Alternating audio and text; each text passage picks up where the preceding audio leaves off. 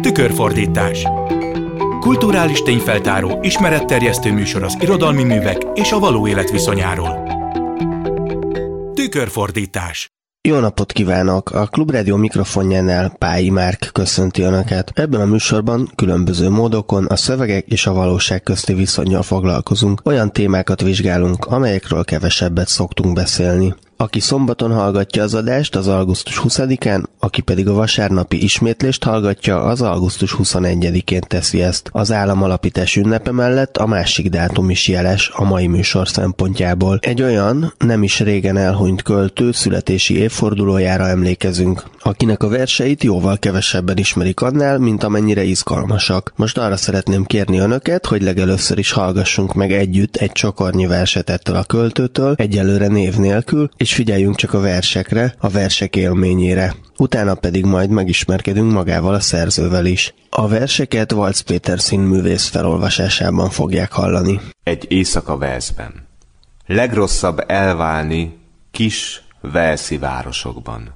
S e Velszi városokból benned is jaj, de sok van. S ha kilépnél magadból, megint csak Velszi utcák, az elválás alléi, életet körbefutják. Hajnal izzik a fűben, csók hajlik át a szádon, de tudod, hogy az éjjel nem éri meg a reggelt. Ne felejts, lába kéklik egy süllyedő naszádon. S míg nyelved alá gyűröd a vonat kattogását, nem tudod, őt csókoltad, vagy távolodó mását. Vers a végtelen programokról. Szerelmünk alatt van egy másik, a program alatt egy másik program. A szörnyekben egy másik szörny él, a jog alatt egy mélyebb jog van. Búvó patak az életünkön, átvilágító csillagokban. Szerelmünk alatt van egy másik, élőbb, sötétebb, nedvesebb, lüktet, s a kéz elől kisiklik, s a takarót magáról éjjel lerúgja, mint a kisgyerek, ledobja. Egyszer majd te is belekóstolsz a borban úszó, mélyebb borba. E vers alatt is van egy másik, és beleolvadsz velem együtt a végtelen nagy programokba. A rács két oldalán ez lesz az első, így szól, átnéz a lánya rácson, az együtt töltött első vagy utolsó karácsony, és hallja oda átról a távolodó választ. Első, utolsó este, amikor megtelt angyalhajjal a kettőnk sorsa, s összevegyült a földes szélben életünk minden hordaléka, gyümölcse, nagy kabátja, gyolcsa. A végtelenből kivont végtelen. A végtelenből kivont végtelen. A megoldáson hosszasan tűnődik az áruhákhoz szokott értelem. Mert ki is hallott még olyant, hogy a végtelenből kivont végtelen eredménye, írd, mond, kétharmad legyen. Márpedig a műveletet elvégezve kétharmad. Ennyi marad. Valóban ennyi ellenőrzi számításait a gyanakvó ember, aki a való világ végtelenségéből kivonta mindennek az ellenkezőjét, az anyagból az antianyagot, a gondolatokból a visszafelé gondolt gondolatokat, északból a delet, a fényképekből a negatívokat, és csírák, hölgymenyétek, szekerek úgy tűnt neki, mintha mégis maradt volna még valami. A kétharmadon kívül. Igen, ez itt a kétharmad, ezt tudom. És az ott, mintha valaki, vagy valakinek a tekintete a képletek mögül, így rémlik neki. Egy kivonhatatlan szempár. Ennyi maradt. Ennyi maradt, és mindezek mellett még persze az örök tervezgetés. Végtelenből a végtelent kivonni, és végest a végessel összeadni. Meg egy település neve. Oda volna jó eljutni egyszer, ha ugyan létezik. Születésnapomra. Ma 32 lettem én is. és mennyi van még hátra? Beleolvad a számítás a sűrű éjszakába. Isten a van és a nincs között, s a gumiban is létezik. Forgolódik a gumibot, álmában rám emlékezik. A gumibot is aluszik, s a társadalmi tudat is. Máma már nem hasad tovább. Hibátlan rímekben ragyog-e versnek belső égi mása. Az éjszakában megbúvik az erkölcs napfogyatkozása. Szemedben fűnő, kedvesem, árnyék vető reája, látásodban a félsz füve és geometriája. A napfogyatkozás sötét ernyővel földet ér. De ébred, a mértankönyvben egy másik féle tér, szabadabb távlatú és igazi mértanú, amelyben van tavasz és nincsen vértanú. Hét éve így beszéltem én. Levelem ne cenzúrázza börtönőr, s a fal se legyen nagyon-nagyon tömör, és nyíljon az események dolgok közt annyi rés, amennyin átférhet épp a kéz s a kés.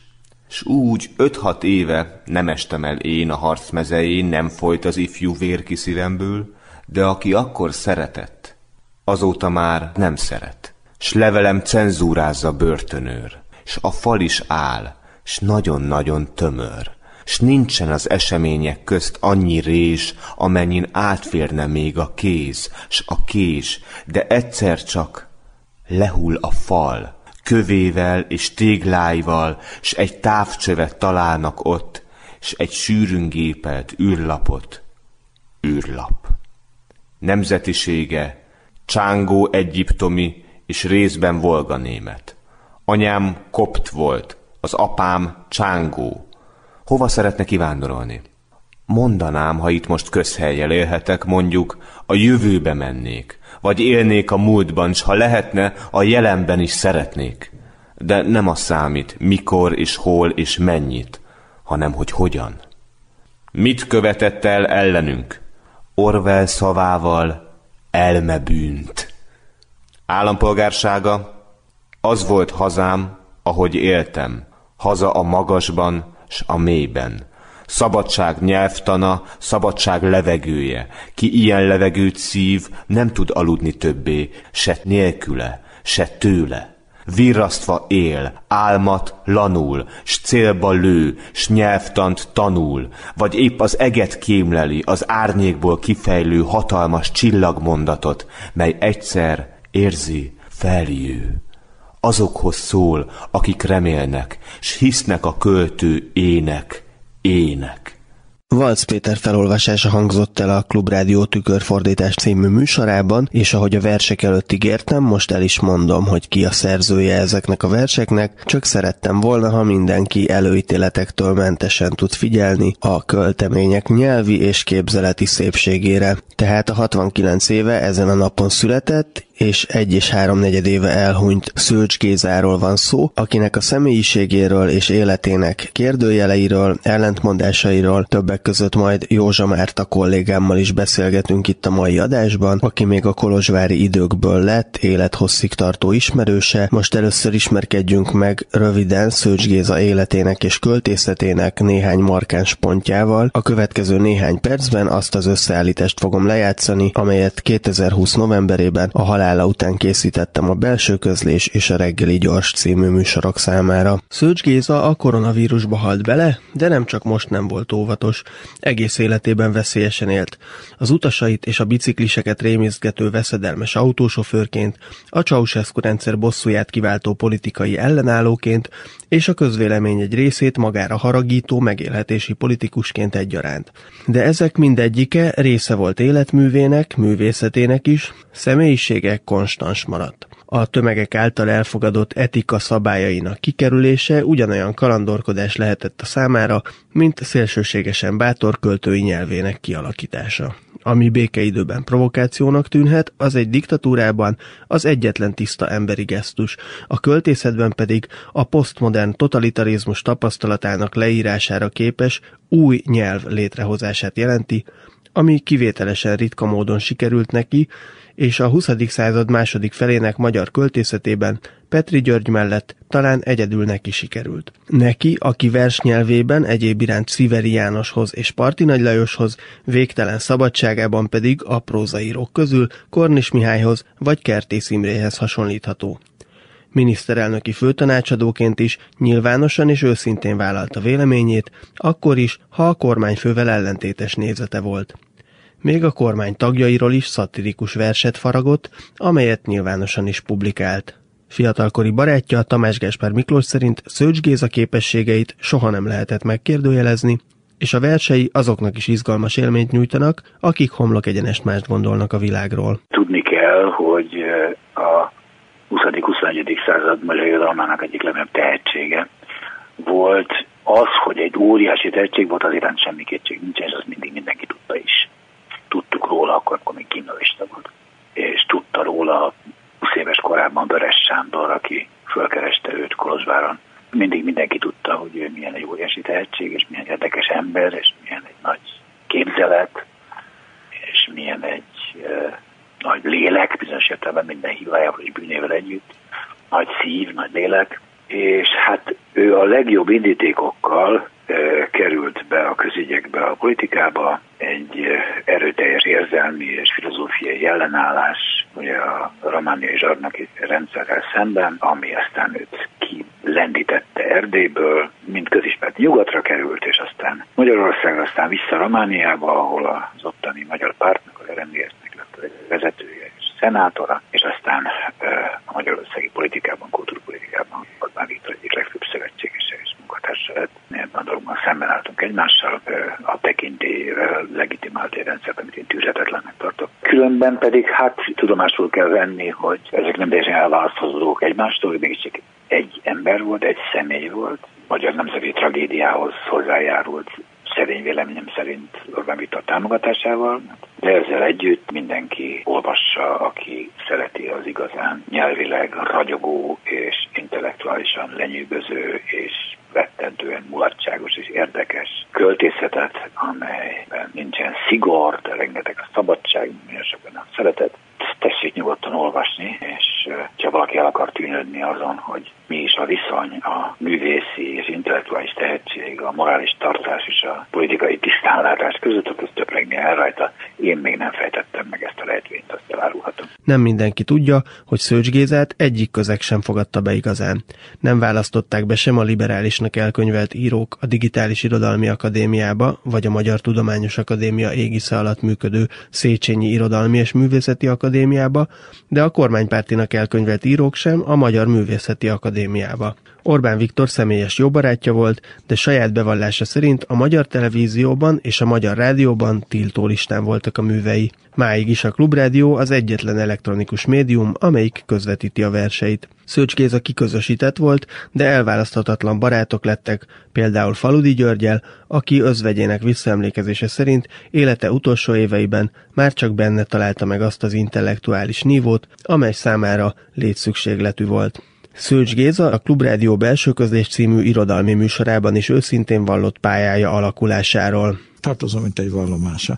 Én igazából nem költőnek készültem, és nem költőnek tartom magam, és nem is írónak, hanem az a meggyőződésem, hogy én filmesnek születtem. Én a világot képekben és történetekben érzékelem és dolgozom föl. A nyelv csak azért eszközöm, mert nincsen kamerám. Az interjúban, amelyet a belső közlés.blog.hu címen teljes terjedelmében meghallgathatnak, Szőcs elmondta, amikor a 80-as évek második felében felvételizni akart a Színház és Filmművészeti Főiskolára, a demokratikus ellenzékkel való kapcsolata miatt nem vették föl, pedig az gyökeresen más irányba fordította volna az életét. Ez volt az a pillanat, amikor szerintem az életem egész másfele alakulhatott volna, és talán kevesebbet politizáltam volna, vagy egyáltalán nem, vagy ha igen, csak morális parancsokra, mint ahogy azt korábban tettem. Szőcs Géza ennek ellenére nem bánta, hogy költő lett. Életművének egyik központi üzenete, talán egyik ikonikus versének, a Dudásnak az a sora, hogy szeretnék életnagyságú lenni. Sok vitatott törekvése is ezzel függhetett össze. de ahogy Demeter Szilárd, a Petőfi Irodalmi Múzeum főigazgatója fogalmazott nekrológiában, egész életét úgy töltötte, mint aki lövészárkok közt sétálgatva alkot, nem törődve az egyszerre rázúduló ellenséges és baráti tűzzel, mint akin nem fog se fegyver, sem átok, és mint akin nem segít az ima ahogyan most sem segített. Az egyik legnagyobb magyar költő 67 éves korában meghalt, műve viszont halhatatlan. Magyarország című versével búcsúzunk tőle most Valc Péter előadásában, amelyben páratlanul találóan fogalmazta meg a magyar hősmítosz lehetetlenségét és a jóra való életek kiteljesedésének reménytelenségét.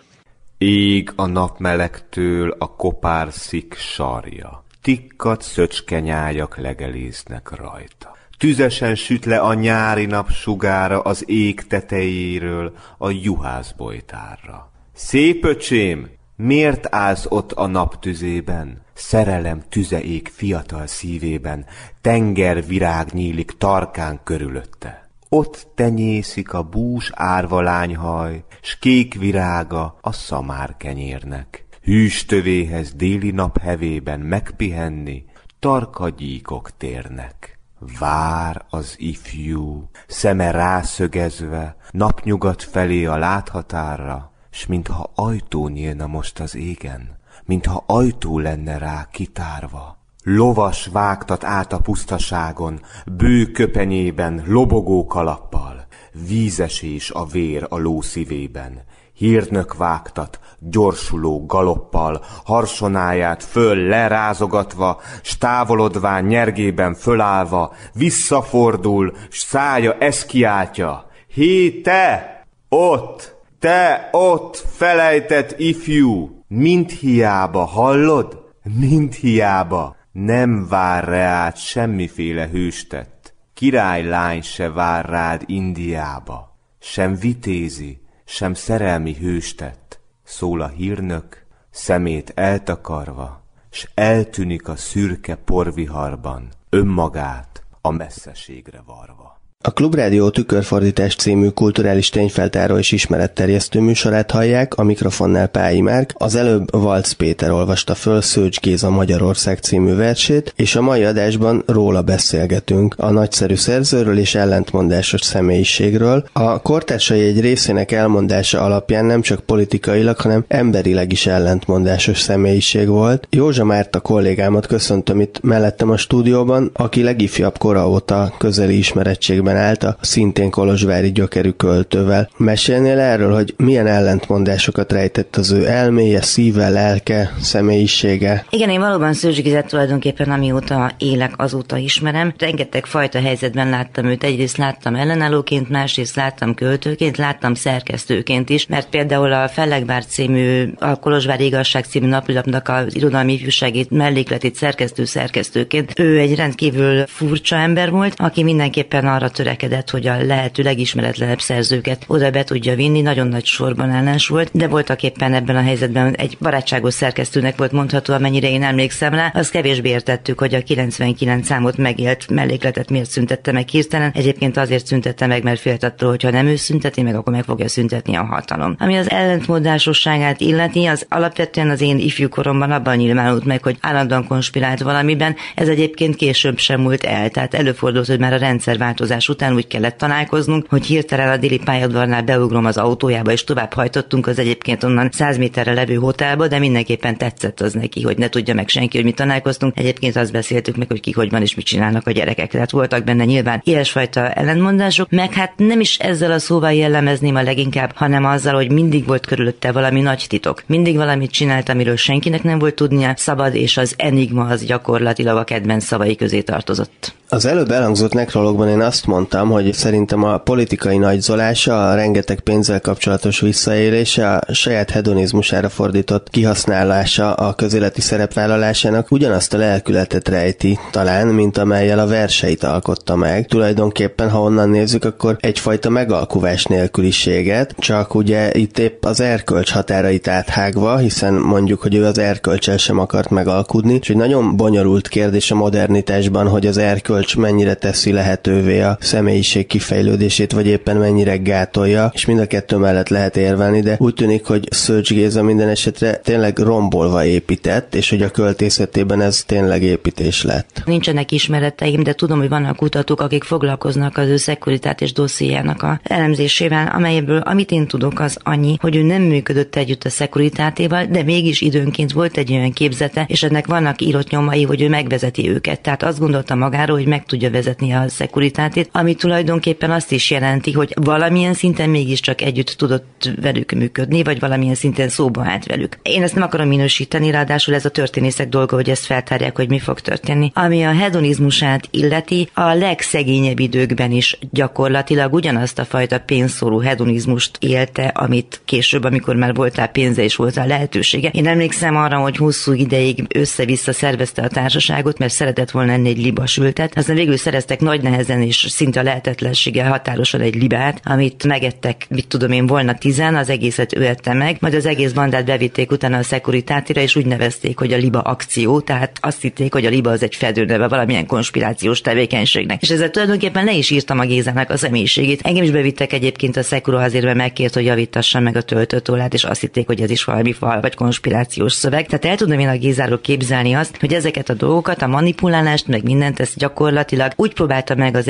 erkölcsiségbe szőni, hogy egyúttal megtévesszen mindenkit, és ez át is szivárgott a költészetébe, gondoljunk arra, amikor arról ír, hogy a szamosba hogyan dobálták be a magnószalagokat. Tehát ezek a motivumok mindig jelen voltak. Szörgyézet sok előítélet övezi azon túl is, ami a terhére róható. Például itt adás előtt egy másik kollégánkkal beszélgettünk, aki mondta, hogy jelentéktelen költő. Te közelről ismerted őt, és egy időben, körülbelül tíz éve kértétek ki mindketten a román állambiztonsági levéltártól a rólatok szóló jelentéseket, amelyekből kiderült, hogy őt a saját édesapja Szőcs István író súgta be, aki egyébként téged is besugott, és azt próbáld meg még légy szíves megmagyarázni a hallgatóknak, hogy hogyan függött össze Szőcs Gézában a Ceausescu rendszerben tanúsított kemény ellenállás azzal a politikai magatartással, amelyet a szabadság körülményei között láttunk tőle, illetve hogy szerepet játszhatott-e mondjuk a későbbi viselkedésében, tevékenységében a sértődés, és hát az is fölmerül, hogyha valaki sértődött, akkor jogosan sértődött, mert éppenséggel akár jogos is lehet. Ha sértődött volt, akkor szerintem nem amiatt volt sértődött, hogy a szekuritáti őt megfigyelte, sőt arra voltak éppen büszke lehetett. Arra sem volt sértődött, hogy az édesapja, akit rajongásig imádott, besugott róla. Az én szerepem ebben a történetben csupán csak annyi, hogy pont rajtam keresztül sikerült azonosítani, hogy ki az az ügynök, aki történetesen a Géza édesapja volt. Tehát egy olyan szitút írt le, hogy nem lehetett más csak én, aki ebben a dologban ott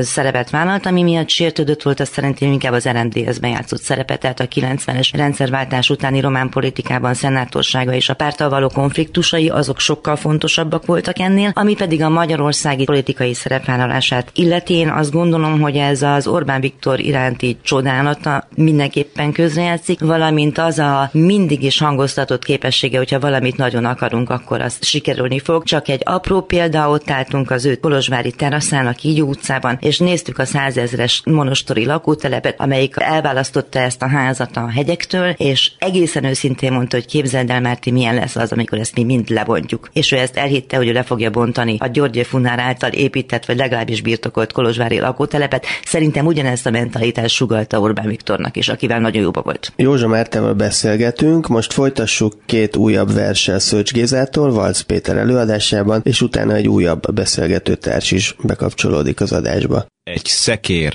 tengeri. Széna nátha, széna fű, széna ágy és ágynemű. A flonzálei alagútban, az út alatt egy másik út van, s holtest a kutyaól alatt, apám lakik a kutyaólban. Hiába fogtok eltemetni! Pince mélyén valahol, vakond sír, és így dalol. Hajja, hajja virágom, nő a hajam, nem bánom, s míg a vakond dala szól, vérszivárok, honnan is, hát a kutya ól alól. Széthullóban, szétesőben, állok majd a jégesőben. A ház s a pince, szerte hordott, lebontott ház lesz majd belőlem. De nem tudtok egészen eltemetni, két kezem kilóg majd a gyászból, miként a sás a vízmosásból, s folytonos föltámadás sungat várva. Megrakott szekerekkel hozom majd neked a tengerit, s az égit, várva kezdjük meg újabb életünket. Vagyis pontosan ezt a régit. S megleslek a vízcsapból, s szuszogok majd körötted, érthetetlen szavakban, itt az ősz, mert tavasz van, és a szénanáthában, s a széna fűben, a szerte szórt mezei ágyneműben, a tavai havakban, és a havai tavakban, s a flonzalei alagútban, hol az útban egy másik út van. Volt nekem sisakom, hova lett? S ott leszek ébren, az esőben, s a fűben alvó rétisasban. Meggyűjt az eső, vagy a hó, a pincében hagyott sisakban. Nénike, ez válik belőled, az lesz belőled, nénike. Sétálok majd a nénivel, és retikülöd teli lesz tengerivel és égivel. A dudás A dudás munka után este felé fáradtan megjön. Tépett és piszkos és füstös meg véres.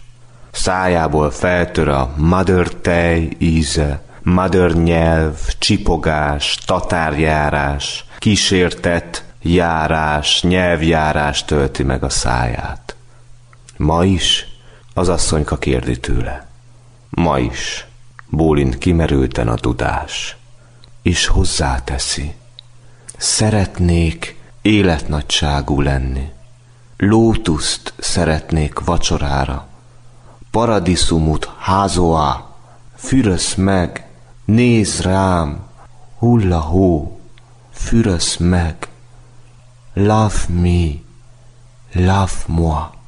Valc Péter olvasta föl Szőcs Géza két versét itt a Klubrádióban, ez két nagyon szép és ikonikus verse volt. A versek előtt kollégámmal Józsa Mártával beszélgettünk, aki közelről ismerte Szőcs Gézát, és most még egy beszélgetőtársunk fog bekapcsolódni ebbe a témába, aki szintén kollégám volt itt korábban, annyira, hogy vele készítettük annak idején a Szőcs Gézával, mint költővel készült portréinterjúnkat, amelyből a mai adásban még részleteket is fognak hallani. Vári Györgyről van szó, aki néhány évvel ezelőtt visszavonult a nyilván nyilvánosságtól, jó indokkal, most nem is az ő szerepéről fogunk beszélgetni, de ahogy Szőcs Géza esetében is a dolgok jelentősége felülírja az ellentmondásosságukat, pontosabban azt írja felül, hogy valaminek az ellentmondásossága miatt távol kéne magunkat tartani attól a témától. A mostani esetben az is fontosabb volt, hogy Vári Gyuri is megszólaljon ebben az ügyben, egyrészt mert szakértője, másrészt pedig tanúja is Szőcs Gézának, illetve élete egy szakaszának, és kezdjük is az utóbbival. Ti ugye úgy is ismerkedtetek meg, hogy 2010-ben leleplező tényfeltáró cikket írtál róla a Magyar Narancsban. A cikkből ugyanakkor ő azt is kiolvasta, hogy költőként értékeled őt, és megkeresett, hogy barátkozzatok. Ha jól tudom, akkor pártpolitikában nem értettetek egyet, de innentől a haláláig rendszeres időközönként beszélgettetek, és hát azt is tőled tudom, hogy a zavaros pénzügyei részben azzal is fügtek össze, hogy rendkívül szeretett például Kínába utazgatni, vagy drága éttermekben enni. Nagyon futólag és távolról ismertük egymást, be voltunk mutatva egy egymásnak, de érdemi kapcsolatunk odáig nem volt, és hogy mennyire nem volt kényes a megítélésére, ebben az értelemben mennyire szabad volt, az tényleg azt jelzi, hogy egyszerűen egy csomó minden felkeltette az érdeklődését az írásban, és lényegében tökéletesen hidegen hagyta, hogy nagyon súlyos bírálatot kap benne. Ez egész egyszerűen nem érdekelte. És valóban, ahogy ő általában élte az életét, rendszertelenül, de viszonylag sűrűn felbukkant ő az én életemben, és kitalált elképesztő helyeket és időpontokat, amikor találkozni, és tulajdonképpen fecsegni akart, és mindig mondta, hogy teljesen véletlen asszociatív láncokon hirtelen eszébe jutottam, hogy biztos mindenki más is, és olyankor felhívott, és megbeszéltünk képtelen helyeket és időpontokat, és ott beszélgettünk. Elképesztően szellemes beszélgető partner volt, és öröm volt a közelében lenni. Szörcs Gézáról most már egészen sokat beszéltünk, mint emberről és személyiségről, és hallottuk is több versét, most kicsit beszéljünk a költészetéről is magáról. Az egyik fő tanítványa a szintén ellentmondás szokásos közéleti karriert bejáró Orbán János Dénes költő. Korábban azt emelte ki, hogy Szőcs verseivel nagyon jól lehet csajozni. Én egyébként azt tapasztaltam, hogy barátokat is nagyon jól le lehet vele nyűgözni, mert például amikor a Belső Közlés című irodalmi műsorunk műsorvezetőjének Szegő János barátomnak idéztem néhány sort az egyik ma is elhangzott verséből, látszott rajta, hogy egészen meglágyul és megfogja őt a vers, és hát valószínűleg bánta is, hogy nem ismeri elég jól Szőcs Géza életművét. Varró Dániel pedig egy magyar narancs interjúban azt emelte ki, hogy neki és Orbán János Dénesnek ugyanaz a két kedvenc költőjük, Szőcs Géza és Parti Nagy Lajos. Ha szakmai szemmel nézzünk rá Szőcs költészetére, akkor mi az, ami a legjelentősebb benne, illetve kikhez és miben lehet rokonítani az ő költészetét? Szerintem az, ami igazán radikális és eredeti az ő költészetében, az valóban az erdélyi magyar és így egyébként az összmagyar költészet megújítása. Teljesen érthető módon az erdélyi magyarság költészetében domináns szólam volt a panasz, a kitartás, a heroikus csak azért is megmaradás szólama, és ezzel nincsen semmi gond, ez egy történetileg tökéletesen érthető, hogy így alakult, de ő egész egyszerűen nem beszélte ezt a nyelvet, és nem szembefordult vele, hanem maga mögött hagyta, nem érdekelte, és elkezdett rendkívül fantázia dúsan, rendkívül gazdagon, elképesztően sok hagyományt bevonva és játszva velük, egy hihetetlenül gazdag és játékos és tágas és nagyvonalú költészetet csinálni, egészen páratlan tehetséggel, olyan típusú nyelvkeveredésekkel valóban, amelyek például Parti Nagy Lajoshoz kapcsolják, vagy tulajdonképpen a nála kicsit idősebb kortársaihoz, a magyar lírának a magyarországi váltásához, forradalmához, és ezért volt csodálatos mindaz, amit beszéltünk, hogy mindenből a szabadság levegője árad,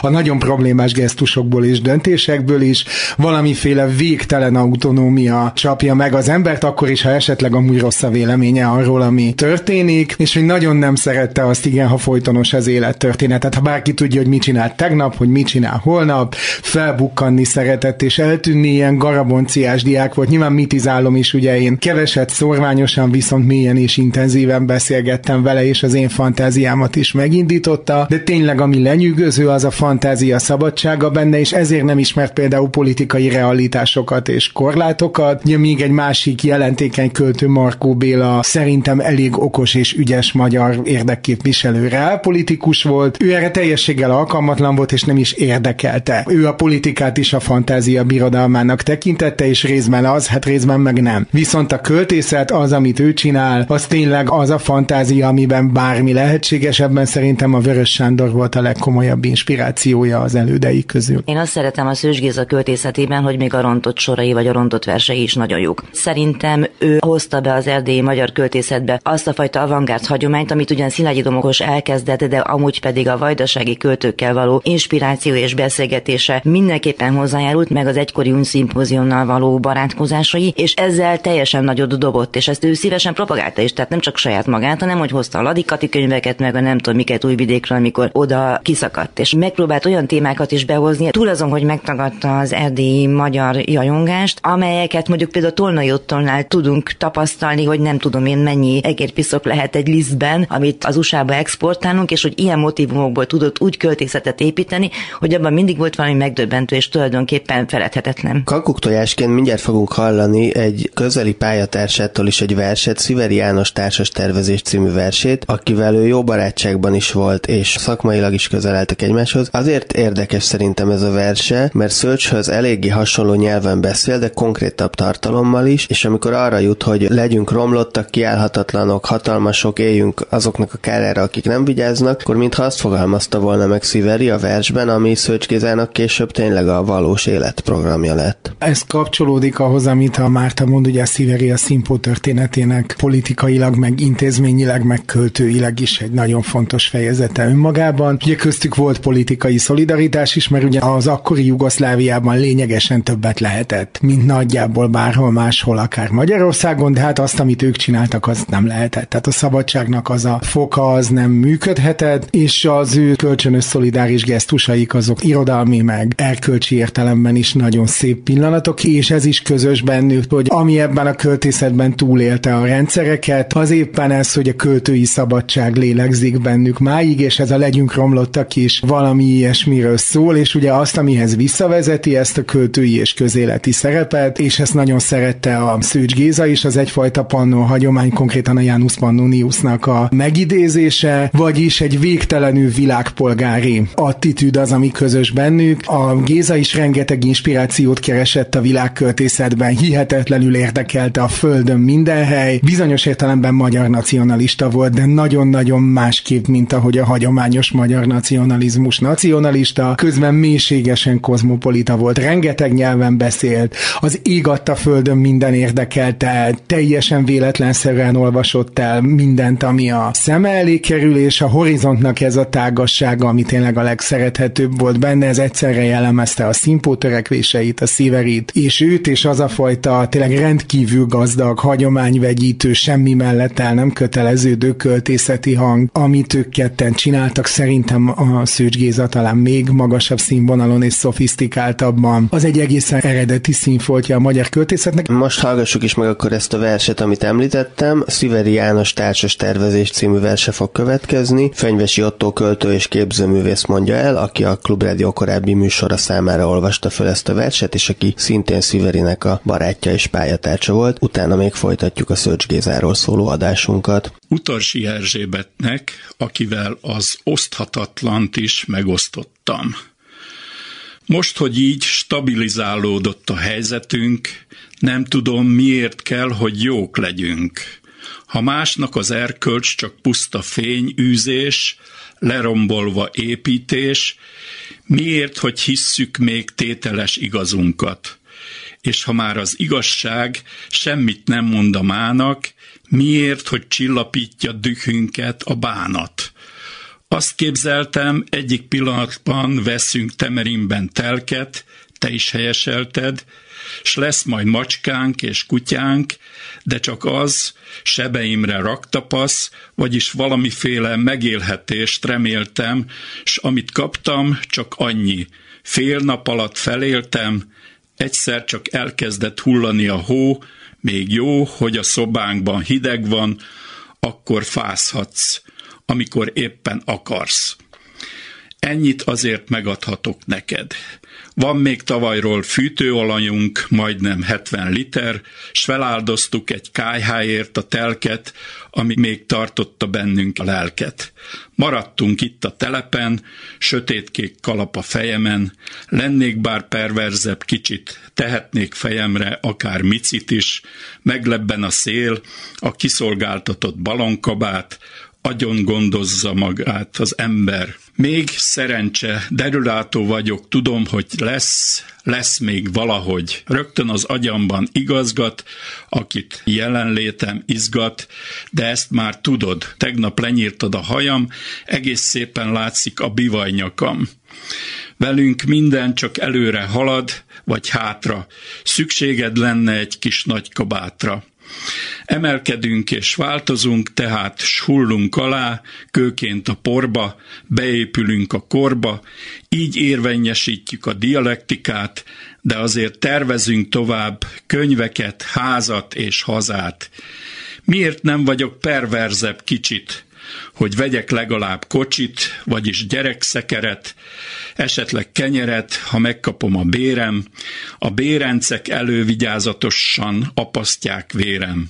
Azt mondják rólam, iszik és szélhámos, de te tudod, csak álmos, álmos, mint a katonák, aludni csupán egy élettel tovább, aludni estétől estélig, s vinni odébb önmagad, legalább emelettel feljebb, mint a lift. Legyünk romlottak, kiállhatatlanok, dolgozzunk mindenki ellen, nyírjuk ki ellenségeinket, vagy legalábbis rugdossuk jól segbe őket. Legyünk hatalmasok, éljünk, mint mindenki más, kárára annak, aki nem vigyáz, s légtalapokat a légbe ás. Hallgattam embereket elkörsöl beszélni, kik maguk között megosztottak hatalmakat, s hallgattam egy pillanatra, azt képzeltem, lesz majd lakásunk, vagy legalább valami albérleti kájhánk, amiben néha napján az időzített tüzelőt hánynánk. De mint most, panóniai vagyok és János, 30 éves, és csak költő, de ezt te is tudod. A földdel kéne tudni bánni, s lehet ennél szebbet kívánni. de hol a földem legalább talpalatnyi, ahol a fogamat ott bírnám hagyni. Még jó, hogy kimerítettem az optimizmusom, s vagyontalanságomat, és az utókorra hagyományozom. Sziveri János társas tervezés című verse hangzott el a Klubrádió tükörfordítás című műsorában, Fenyvesi Otto előadásában, a mikrofonnál Pályi Márkot hallják, a mai adásban Szőcs Gézáról beszélgetünk, a stúdióban mostani és volt kollégámmal Józsa Mártával és Vári Györgyel beszéltük át Szőcs költői pályájának értékeit és életútjának ellentmondásosságát az adás korábbi részében. Most még arról szeretnélek titeket kérdezni, hogy mit gondoltok, hova futhat ki az emlékezete? Van-e remény, hogy a közvélekedésben a megfelelő helyre kerül az alakja, vagy akár csak arra is, hogy a versei eljussanak mindenkihez, aki szeretni tudja őket. Csak zárójelbe teszem hozzá, hogy ahogy az adás elején elhangzott nekrológban is mondtam, a klubrádión kívül szinte senki nem közvetíti az ő költészetét. Hát igen, ez az, amire azt szokták mondani, hogy se lenyelni, sem kiköpni nem tudják. Szerintem egész egyszerűen a kormányhoz közeli kultúrpolitika számára is ilyen furapók volt. Annak idején sem, tehát hogy mindig panaszkodott arra, hogy a Dunánál című lap nem kapott kellőképpen támogatást. Állandóan kiadókat alapít alapított, és amiről beszéltünk, hogy mennyire érdekelte az összmagyar kultúra, az értékmentéssel is nagyon sokat foglalkozott. Tehát igyekezett megtalálni olyan magyar vagy magyar kötődésű szerzőket, akiknek mindenképpen szerette volna nyilvánosságra hozni a munkásságát. Rá is ez fog várni szerintem. Az idő az sok mindent meg fog gyógyítani, és biztos, hogy lesz olyan generáció, meg olyan lelkes tanár, aki azt fogja mondani egy újabb nemzedéknek, hogy hoppá nézd, itt van egy csak nem elfeledett szerző, de egyébként valóban csak nem elfeledett szerző most, mint költő. Igen, de én azt gondolom, hogy ez minden fog majd múlni. Tehát ahogy mondjuk nem tudom, Déri Tibor kétségtelenül, hogy mondjam, vitatható kulturális szerepet vitt a Kádár rendszerben. Ez a befejezetlen mondatot középtávon a megítélését szerintem nem fogja majd befolyásolni. Előbb-utóbb minden véget ér, és a Szőcs Géza költészete meg, meg fog maradni. Ebben én egész biztos vagyok, hogy egyszerűen vannak olyan versei, amelyek nélkül nem beszélhető el megfelelően a magyar irodalom története, és hát szörnyű öncsonkítás lenne. Ezek hihetetlenül felszabadító szövegek. És ez ugyan nem tartozik szorosan a tárgyhoz, de azért méltánytalan lenne nem elmondani, hogy az ellenpontok ugye az a nagy vállalkozás, amit ők csináltak a Ceausescu Romániájában, ilyen kvázi szamizdat. Természetesen a magyar szamizdat is tiszteletreméltó és kockázatos dolog volt, és a legnagyobb elismerés illeti azokat, akik csinálták. Az ellenpontok a soft öngyilkosság volt lényegében, tehát az az őrültséggel határos vállalkozás volt, az nem egy puhuló alkalomattán bekeményítő diktatúra volt, mint a kádárizmus, hanem tényleg egy neosz sztalinista rémálom, ahol nagyon-nagyon súlyos dolgokat kockáztatott az ember minimum az egészségét ezzel a vállalkozással, és ez azért, hogy mondjam, nagyon más perspektívába helyez sok mindent, amiről beszéltünk, nem ment föl semmi alól, de azért mégis méltánytalan nem elmondani, hogy ez lélegzetelállító bátorság volt, és iszonyú méltányos a magyarságon kívül más romániai nemzeti kisebbségekkel is. Az, ami az ellenpontokból megjelenhetett, és szerintem ez is fontos. És az a vállalkozás is annyira tükrözte a Szőcs Gizának a fantaszta volt. Tehát, tehát én emlékszem arra, hogy gyakorlatilag regényekben tanulta azt, hogy hogyan kell konspirálni, és egészen őrült módszereket talált ki, hogy mi hogy történjék. Józsa Mártának és a Vári Györgynek nagyon köszönöm, hogy beszélgethettünk Szőcs Gézáról, a költészetéről és az életéről, ellentmondásos személyiségéről. Szőcs Gézának hallottuk több jelentős versét a mai adásban, és még fogjuk is, lesz olyan még, amit ő fog felolvasni. Viszont most szeretnék lejátszani egy olyat, ami inkább csak tréfának érdekes. Szőcs Géza a 2010 utáni első időszakban kulturális államtitkár volt, akkor írta ezt a verset, ami viszont talán amiatt érdekes, hogy bizonyára ő volt az egyetlen, aki kormány közeli szereplőként utalt Rogán Antal helikopterezésére, Lázár János lézerblokkolójára, vagy arra, amikor a 2013. március 15-i havazáskor a belügyminisztérium a helyzet megoldása helyett nevetséges üzeneteket küldött az autózóknak. Hallgassuk meg most tehát Szőcs Gézától a miniszterek érkeznek a kormányülésre című verset, szintén Valsz Péter előadásában. Nyakában cséplőgép, ki ez a vándor? Karcagról indult, Fazekas Sándor. Mintha költségvetés volna, kun pusztákon ürge marha. Terelgeti nyáját, varga, pénzügyeink legfőbb őre, terelgeti őket hátra, jobbra, balra és előre. Terelgeti furanyáját, fújja fura furujáját. Lódobogás? Vágta hangja, füstfelleggel, fapipáján megérkezik paripáján, kézdi vásár helyre menvén, dupla csövűt rázva semjén. Kísérik protestáns angyalok, kilép a liftből, jő balok, miniszterek, imádkozzatok. Az imakassa kimerült, úgyhogy sok imát hozzatok. De akit a nagy hó kint ért, hívja bátran magát Pintért. Kisvárdáról, kisvártatva, miniszter jő nagy folytatva. Úgy hívják, hogy doktor Sesták. Kis számokat megnagyobbít, kis álmokat nagyra fest át. Még a Balatonnak is, még a Genfitónak is, hogyha rájuk szól Trócsányi, önképük alig Tócsányi. Nem handa-banda, nem hende-bende, Simicskó jött ki, nem, hende ment be. Szíjártó Péter fejében sok-sok A terv és B terv, van K és Q is, sőt, van egy P terv. Ott, ahol az országház áll, őrzi házőrzőit Lázár. A tegnap hódvásárba volt, zsebében címer állata, titokzatos Da Vinci hód. Van mező, hód és hódvilág. Ő a lézer szemű Lázár, aki vele újat húzna, arra gyász és arra frász vár. Forgószárny zúg, helikopter, abból lép ki Rogán Tóni, Biztonságos aláírást senki nem tud jobban róni, kezében márkás telóval, rád köszön, könnyed helóval. És a miniszterelnök. Persze, hogy ő is eljött. És úgy néz ez az Orbán, valahogy kobra formán. Valahogy furcsa csönd lesz, s ez a csenevész, dal is elenyész. Utóirat, s ki ez köztük, Maugli ő, vagy egy erdőn túli és lassan kivesző, egyféle koala maci ő, egy egyszemélyes panda koala koalíció, vagy a szamos mellől egy elefánt pusmog az ormánya alól, de hát ez úgyse relevánt. Tréfálkozik a főbb miniszterekkel, rímekbe font és szőt cselekkel, így jártak ők a szőcs gyerekkel.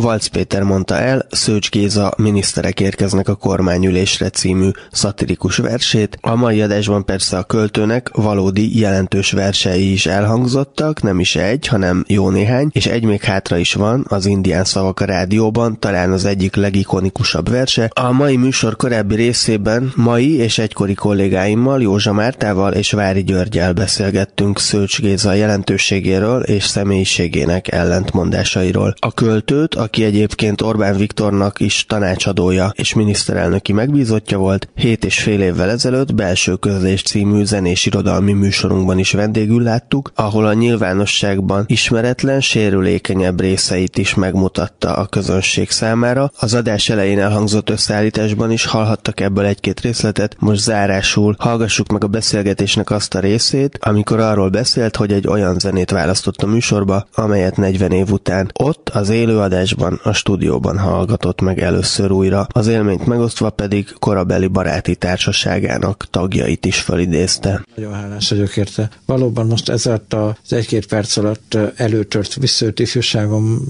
amilyen körülmények között megélt, de mégiscsak gyönyörű néhány éve. Nagyszerű barátokkal, nagyszerű tervekkel, reményekkel és álmokkal. Ez fantasztikus volt. Hajmeresztő, hogy eltelt 40 év, és én egyszer se hallottam ezt a dalt, és mikor szó volt róla, hogy én milyen zenét zenét szeretnék hallani, ma este azt mondtam, hogy ezt szeretném. De abban is biztos vagyok, hogy ugyanolyan felkavaró élmény ezt a darabot meghallgatnia, hadd mondják még néhány nevet, Selmeci György, zeneszerző, Orbán György, zeneszerző, Tabáku Máriusz, zenész, Kolozsvárot, Bodor Ádám, Cselényi László, úgy gondolom, hogy Tamás Gáspár Miklós is, Aradi József, Balla Zsófia, a nem élők közül, hadd említsem meg Darko Istvánt. Tehát sokak idegeit érinti meg ez a dal. Szőcs Géza a beszélgetés közben versét is felolvasta. Árvíz a sétatéren, munkáját végzi lent a sír a mélyben.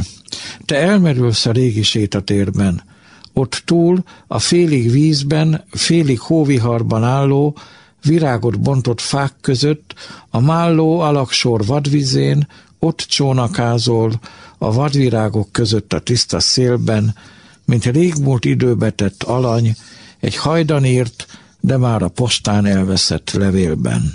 Ott áldogálnak, melletted úszva, sírva, gyöngyhalászok és hallgatag, folyékony dédanyák, smogorva karthalak, s hegedűjével kezében egy vén cigány is arra tempózik el, mint egy némely varjak, ő is fekete dolmányt hord magán, kopott és fekete dolmányt visel. Alszik a szökőkút néma kentaúrja, és a szigeten hallgat a hattyú, hallgat hatalmasan, de hallhatod őt az operában, főként, ha szombat este van, s míg hallgatod őt, s azt a vörös és aranyszín zenét, egy színész szavát is hallod, de az is lehet, hogy ibzenét. S míg elmerülsz, ahogy a színpadon átrohansz, fegyverrel rohansz a hó alatt, hogy megvédd a nőt, hogy védd a pátriát, hogy megvédd lángoló jószágaid, hogy védd a vén cigány putriát, míg elmerülsz, mint lázban a sárgaláz beteg, már csak kalapod viszi a víz, a víz meg a hó förgeteg. Az áradó vízen már csak a kalapod lebeg.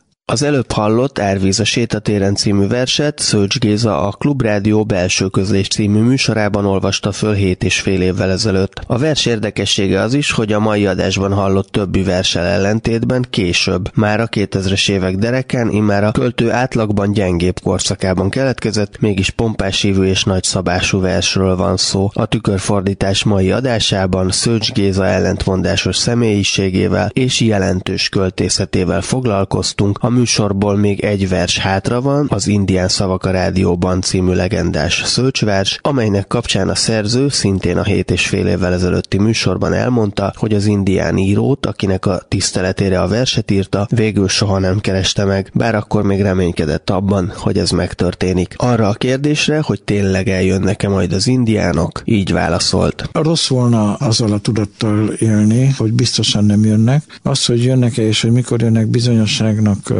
nehéz tekinteni, de ez egyébként életem egyik nagy mulasztása, hogy azt az indián írót, én akkor úgy tudtam, hogy költő, aki kiállt a 80-as évek közepén nagy nyilvánosság előtt, azért, hogy a helyzetemről, én rólam, szorongattatásaimról nemzetközi nyilvánosság előtt beszéljen, és ennek nyilvánvalóan volt szerepe abban, hogy végül is szabadlábon és viszonylag épségben hagyhattam el a Ceausescu Romániáját. Ez az indián író William Lee Hit Moon, akinek a kiállása ihlette azt a szóban forgó verset. Én szégyellem, röstellem, lehajtom a fejem, azóta sem kerestem meg. Pedig többször azzal az elhatározással utaztam Amerikába, hogy meg fogom keresni William Lissitmont, hogy köszönetet mondjak neki. És aztán itt most messze nincs idő kifejteni, hogy miért, milyen gátlások vagy egyebek folytán, de ez elmaradt, és félek, ő idősebb nálam, félek, hogy talán nem lesz olyan hosszú már ez az élet, hogy találkozzunk uh, Liszit William Liszt Heatmoon még él, most 83 éves. Szőcs Géza azonban már 2020 novembere óta nincs közöttünk. Most a Tükörfordítás című műsorunk végén Göndör László színművész fogja felolvasni a szóban forgó verset, az Indián Szavak a Rádióban című költeményt. Az adás korábbi részében kollégámmal Józsa Mártával, illetve Vári Györgyel beszélgettünk Szőcs Gézáról, illetve számos verse elhangzott Valc Péter előadásában is. Most tehát Göndör László felolvasásával Zsuzsával búcsúzunk, megköszönöm a technikai segítséget Gál Bencének és Kemény Daninak, önöknek pedig a figyelmet, Pályi Márkot hallották. Az indiánok nem hagynak cserben minket. Mások igen, de ők nem hagynak cserben minket. Ha tudták volna, mi is lesz Segesvárnál, de hát nem tudták, mi lesz Segesvárnál, biztosan eljöttek volna ők is. Egyesek tudták volna, hogy jönnek ők is.